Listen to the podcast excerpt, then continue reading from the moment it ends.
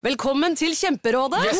Denne gangen har vi fått inn et kjempedilemma fra en familie. Okay. Jeg leser Hei, vi er litt uenige i familien her. Mm. Hvis du skulle vært et dyr, ville du hatt gjeller eller vinger? Oi, den er tricky. Ja, Hva ville dere hatt, da? Altså, jeg vet ikke, men Med familierabatt får de ubegrenset data fra Telenor fra 399 kroner. Da kan de jo scrolle seg til svaret, rett og slett. Ja, ok, Men for min del Ja. gjeller. Nei, nei, Nei. nei, vinger. Nei, nei, gjeller. Ja, okay, ja, Kjempebra. Men eh, se nye mobilabonnement på telenor.no, da.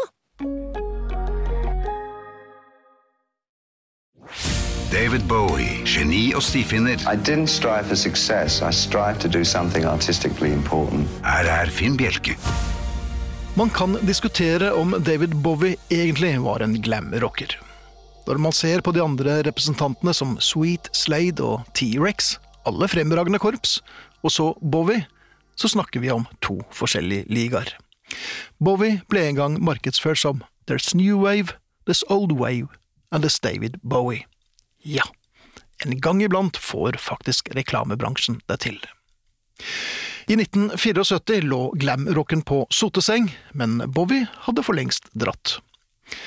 LP-en Diamond Dogs var en dystopisk musikallignende samling av sanger som dekadent tripper fra Dantes Inferno til Orwells 1984, som Bowie faktisk jobbet for å lage en TV-musikal av. Og det er få lyspunkter tekstmessig her. Albumet er dystert, misantropisk og til tider håpløst i ordets rette forstand. Musikalsk aner vi konturene av levningene efter glamrocken, Bertolt Brecht, Broadway-musikaler og amerikansk soul som han virkelig skulle omfavne på neste plate. På Rebel Rebel hamrer Bowie inn riffet gang efter gang, så lytterne til slutt må kapitulere. Og hvis det synes den kan minne litt om The Rolling Stones, så sa David Bowie i et intervju at han skrev den for å irritere Mick Jagger.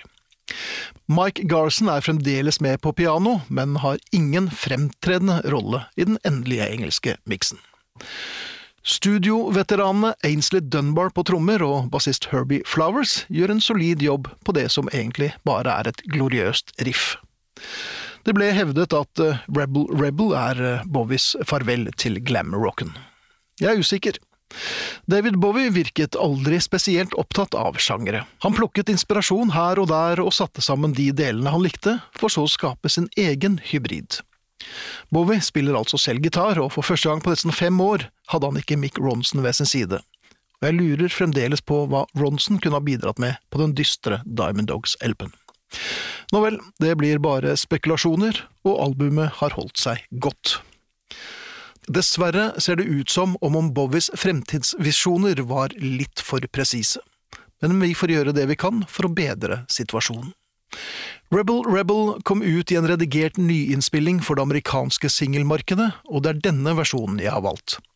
Den er ikke fullt så kjent her hjemme, men jeg regner selvfølgelig med at alle har Diamond Dogs-LP-en i samlingen.